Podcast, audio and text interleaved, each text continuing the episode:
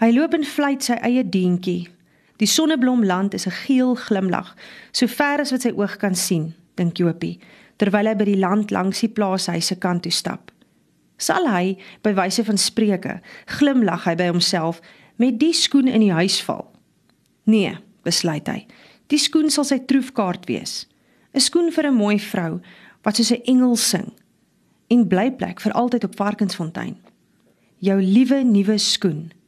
En Jopie druk die skoen teen sy borsie vas en kug. By die hek van die Sonneblomland moet hy eers rus toe hy die slaim in sy borsvoel opstoot. Hy hyg, leun met sy hand op die hekpaal en kyk af oor die geel skildery wat skuins afloop rivier se kant toe. As hy na hom nie kom roep het nie, het hy nie agter Cathy aangeloop rivier toe nie. Net betyds sou sy regtig dieper ingeloop het. Hy ken haar. Sy sou as hy haar nie gekeer het nie.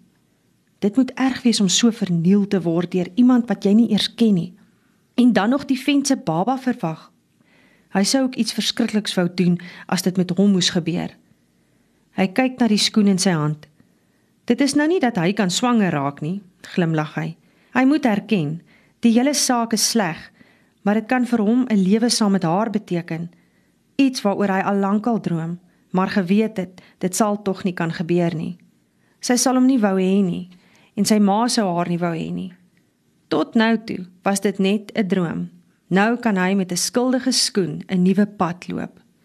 Maar nou glo hy is dit so bestem dat hy agter haar moes aangaan en dat sy nie anders kon as om hom te vertel nie.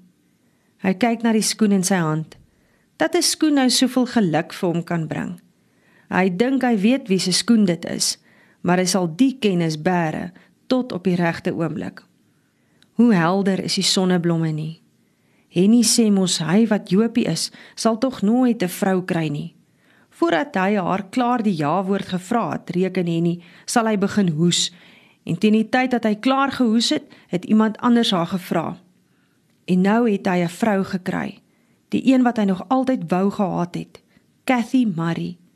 Hulle ken haar nie soos wat hy haar ken nie, want hulle wil haar nie ken nie omdat sy 'n delwer se dogter is en dit tog 'n Engelse delwer wat sy kind weggesmyt het. Hy wou haar nog altyd hê, maar het geweet hy sou haar nie kon kry nie. Nou het die Here haar in 'n verlore skoen vir hom kom gee. Hy weet wat die weerstand gaan wees teen 'n huwelik van 'n duisel met die Engelse weeskind, delwer se kind, die besem in die bywoner se huis maar hy is seker hy weet wie se skoen dit is. Dit kan net Henny of een van die drie strooijonkers se skoen wees, want hy het die skoene die oggend voor die troue op 'n ry sien staan toe sy ma hulle dit laat aanpas het. Hy wat Jopie is, moes dit nog aandra kom bys toe sodat Sina dit kan skoonmaak. Asof nuwe skoene kan vuil wees, het hy nog geloop en kla. Jopie dink nie dit kon Henny gewees het nie, want hy sou nie ongemerk die dans kon verlaat het nie. Almal het die hele aand na die bruidspaar gestaar en Hanna het die hele aand na Henny gestaar. Hy sou nie kon wegglip nie. En Henny kon Cathy in elk geval nog nooit verdra nie. Henny sou haar nie eers wou verkrag nie. David kan dit nie wees nie. Hy is op universiteit en universiteitsstudente is te slim vir sulke sondes. Die ander twee strooijonkers ken hy nie goed genoeg nie.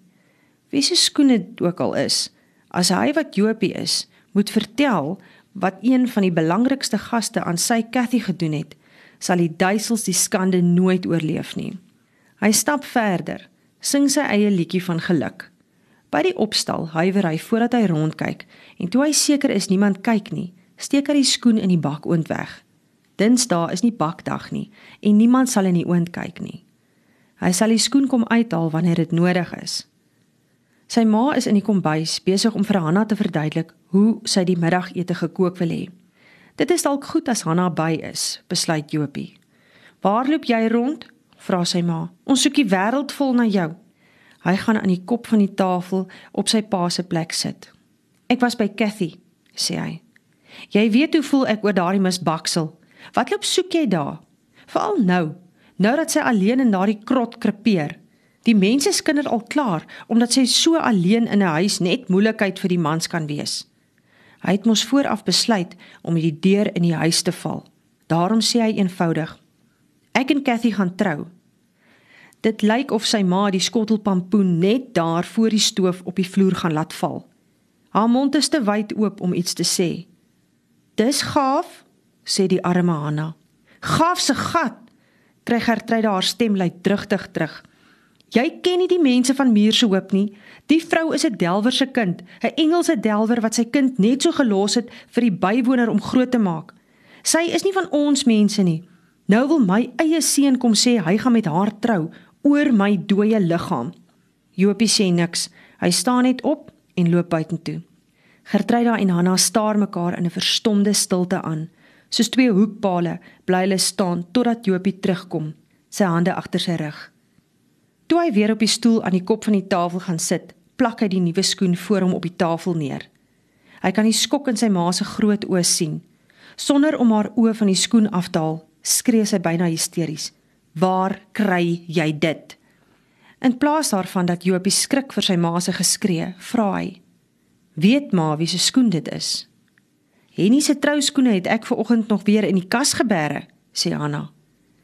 David het sy skoen verloor toe hy Saterdag aand buite gaan asem skep het. Hy het dit gesoek voordat hy terug is universiteit toe, prewel Gertruida. "David?" vra Jopie en twyfel vir 'n oomblik aan die wysheid van sy plan voordat hy besef dat sy troef eintlik al hoe hoër word. Dawid het gesê hy het sy skoen die aand buite uitgetrek omdat dit hom gedruk het. In die donker kon hy dit nie weer kry nie en toe hy die volgende dag daarna gaan soek het, was dit weg. Iemand moes dit weggesteek het. Ons weet mos hoe laf die jong mense op 'n troue kan raak. Weggesteek? Was dit jy? vra sy ma en hy kan die hoop in haar oë sien. As dit jy was, moet jy weet ek dink dit was 'n siek grap. Ons soek die hele tyd al na die ding. Jopie gee die stilte kans om tussen hulle in te sink. En toe die haan buite kraai, sê hy ewe rustig: "Ek het die skoen by Cathy gekry." Sy ma se reaksie is onmiddellik, asof sy 'n welkome uitkom kans sien. Dan het sy dit gesteel. Sy ma bly byna verlig. Hoe sou sy dit kon steel, ma? Ma weet mos sy was nie naby die dans nie. Sy moes dit iewers gekry het. Gertruida is opsigtelik nie meer so selfversekerd nie. Waar is die ander strooijonker se skoene, ma? Hulle het dit saam, sê sy. Ek het dit vir hulle gegee vir al hulle moeite.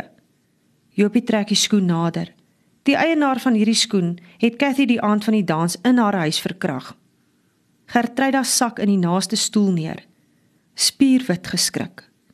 Hanna besluit dit is tyd vir haar om te verdwyn. Sy lieg fluister Gertruida. Nee ma, Cathy lieg nie. En as ek van die skoen vertel, sal almal in Muur se hoop weet, die duisels is toe glad nie so heilig nie. Is dit wat ma wil hê? Niemand sal haar glo nie. Ek glo haar en hulle sal dit glo as ek dit vertel met Dawid se verlore skoen in my hand. Ons gaan trou ma. En waar sal julle bly? In die bywonershuis hier op Varkensfontein. Hy kan sien sy wil terugpraat, maar Jopie lig die skoen stadig en hou dit soos 'n kwitansie op. Die skoen, ma sal praat. En waarvan gaan julle lewe? Varkensfontein het baie kos ma en David het gesê hy gaan vir my aansoek doen by die regering vir iets soos siekte pensioen. Gertruida sê niks. Sy bly net so sit toe Jopie die skoen vat en uitloop. "Waar gaan jy nou?" vra sy en amper kry sy ma jammer toe hy die oorgawe in haar stem bespeur. Die skoen wegsteek waar niemand dit sal kan kry nie en dan gaan ek vir Cathy vertel van ma se konsente. Jou pa en jou broer sal dit nooit betaal nie.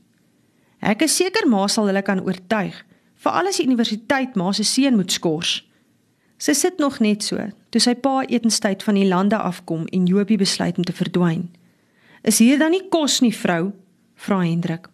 Hier is niks nie, sê sy en hy kan sien sy het gehuil.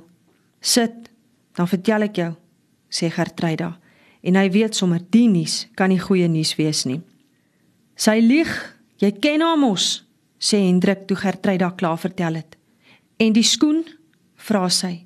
Wys my die skoen, ek glo haar nie. Jopie het die skoen.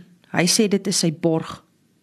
Borg is iets wat Hendrik duisel kan verstaan want hy weet uit ondervinding goed genoeg die een wat borg het is veiliger as die een wat borg gee.